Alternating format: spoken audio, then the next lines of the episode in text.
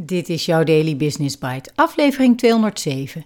Eens even niks. Het is tijd voor een beetje kairos.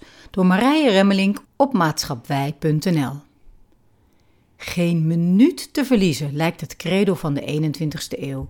De eeuw waarin mensen tijd en geld een dominante rol hebben toegekend. We hebben ze onder de uitdrukking tijd is geld zelfs onlosmakelijk met elkaar verbonden.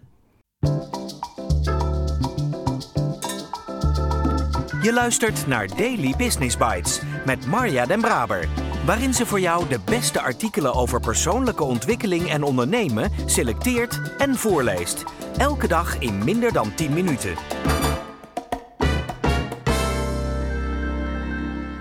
In onze zoektocht naar meer geld en meer welvaart vergeten we soms even om letterlijk stil te staan, terwijl de gevolgen daarvan juist een averechts effect hebben op die welvaart en op ons welzijn tijd. Het is voor velen een strikte meeteenheid geworden die altijd geoptimaliseerd dient te worden. Hoewel kloktijd van origine slechts een praktische en kunstmatige afspraak is, zijn de wijzers van de klok tegenwoordig behoorlijk dominant aanwezig in onze levens. Wie herkent zich niet in rennen om de tijd bij te houden en het mechanisch afvinken van lijstjes? Het optimaliseren van efficiëntie heeft ons tot robotachtige wezens gemaakt. Ho, stop! Het is tijd voor een beetje kairos. Kairos en Chronos zijn twee figuren uit de Griekse mythologie. Ze staan voor de twee gezichten van de tijd. Chronos staat voor de lineaire, meetbare tijd. De kloktijd zoals we die in de westerse wereld maar al te goed kennen. De tijd waarin we doel- en resultaatgericht te werk gaan. De tijd waarvan we altijd te weinig lijken te hebben. Kairos staat voor de innerlijke tijdsbeleving. Ingrediënten voor die beleving van tijd zijn aandacht, rust en concentratie. In het boek Kairos van schrijfster en filosoof Joke Hermsen lees je over deze goddelijke wezens. Hoewel we chronos nodig hebben om onze samenleving in te richten, bijvoorbeeld om afspraken te maken, is ook Kairos onmisbaar.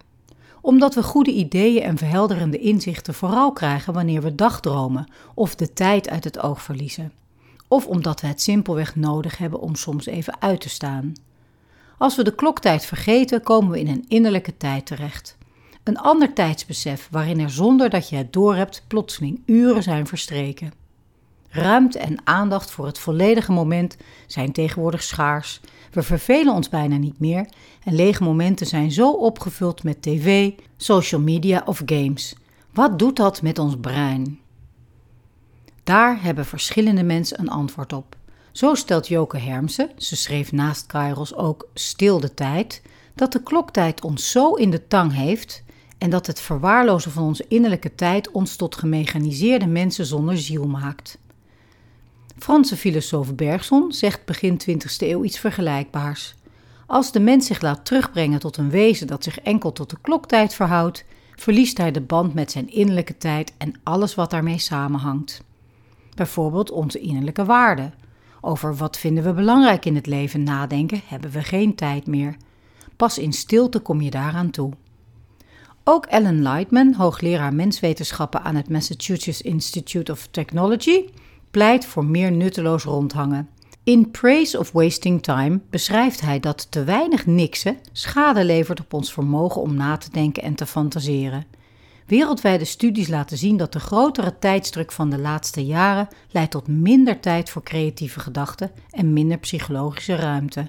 The Creativity Crisis, een onderzoek van Amerikaans hoogleraar Kyung-hee Kim, laat zien dat in de VS creativiteit meetbaar is afgenomen sinds de jaren 90, parallel aan de opkomst van internet. Dat leidt tot meer onrust, angstgevoelens, depressies en burn-outs. Waarom we zoveel minder creatief zijn geworden? Omdat we daarvoor rust en ruimte nodig hebben. Kairos. Om creatief te zijn moeten tal van nieuwe verbindingen worden gelegd tussen delen van het geheugen. Althans, Karsten de Dreu, hoogleraar psychologie op de Universiteit van Amsterdam. Die verbindingen ontstaan spontaan en vooral als we tot rust komen. Daarom krijg je dat briljante idee vaak als je onder de douche staat of de hond uitlaat.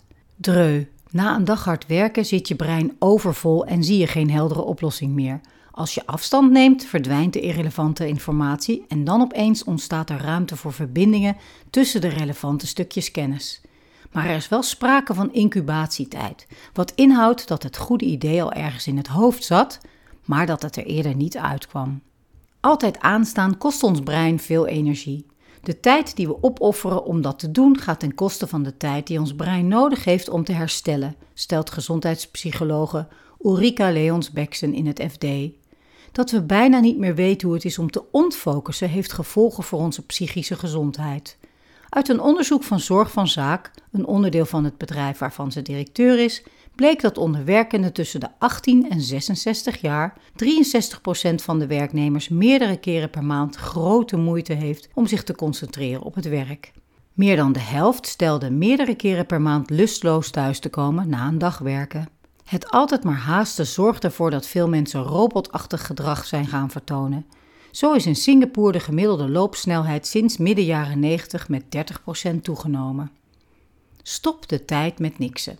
Het wemelt van de buitenlandse concepten die ons leven aangenaam of betekenisvol maken. Zo kennen we het Deense higge, lachom uit Zweden en waai de ikigai over uit Japan. In de VS leerden ze ons naast deze termen ook niksen, dat bekend staat als de Dutch Lifestyle Concept of Doing Nothing. Frappant is dat dit concept, dat vergelijkbaar is met het Italiaanse dolce far niente, haak staat op het Nederlandse Calvinisme dat in het teken staat van hard werken, soberheid, ingetogenheid en rechtlijnigheid. Niks even niksen dus. Wij Nederlanders zijn liever nog productiever en efficiënter dan dat we even een pauze nemen van de tijd. Bewust niks doen, anders dan de Amerikanen beweren, zit niet in ons systeem en dus voelt het onnatuurlijk. Hoe anders kan dat zijn als je inziet dat bewust niks doen niet lui is, maar een onderdeel van ons bestaan en een belangrijke levensvaardigheid? Niets doen is niet iets dat je moet bewaren voor de vakantie of het weekend, maar moet ingebouwd worden in ons leven en in onze werkcyclus. Zo keer je het tij. Zet je telefoon een gedeelte van de dag helemaal uit. Maak elke dag een lekkere wandeling zonder telefoon. Werk je op een kantoor? Breng elke dag wat tijd door in een stilteruimte. Jep, ook dat doe je zonder telefoon. Ga op vakantie eens helemaal offline. En doe dat juist als dat idee je beangstigt, want dan zou je wel eens een serieuze telefoonverslaving kunnen hebben. Bouw echt de tijd in voor vrienden en naasten. Dat is iets anders dan een snel berichtje op WhatsApp. Laat je telefoon eens liggen als je naar het toilet gaat. Let wel op: succesvol niksen heeft een voorwaarde. Je moet het doen zonder concreet doel en dus niet om iets te bereiken of om productief te zijn. Welkom, Kairos. Daily Business Bites met Marja Den Braber. Je luisterde naar Doe eens even niks. Het is tijd voor een beetje Kairos door Marije Remmelink. Dit leek me wel eens een heerlijk onderwerp voor de start van deze week. Jouw relatie met tijd. Hoe is tijd voor jou begonnen vanmorgen? Had je er voldoende van of voel je nu eigenlijk al een beetje tekort? Zelf ben ik mij de afgelopen maanden aan het verdiepen in Ayurveda. Vorige week heb ik een Ayurvedische detox gedaan en het voelt steeds beter en beter. Een belangrijk onderdeel van de Ayurvedische leefwijze is vroeg naar bed en vroeg eruit. Daar heb ik altijd al moeite mee gehad. En als ik zo af en toe nog bij mijn ouders slaap, dan weet ik dat ik het van geen vreemde heb.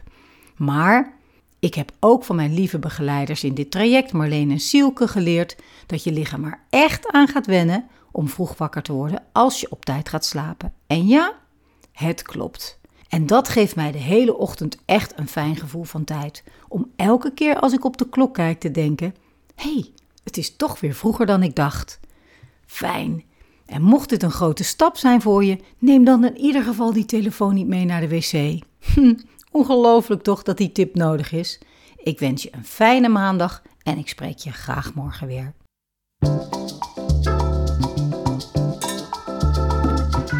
Dit was Daily Business Bites. Wil je vaker voorgelezen worden? Abonneer je dan op de podcast in je favoriete podcast-app. Meer weten? Klik op de links in de show notes.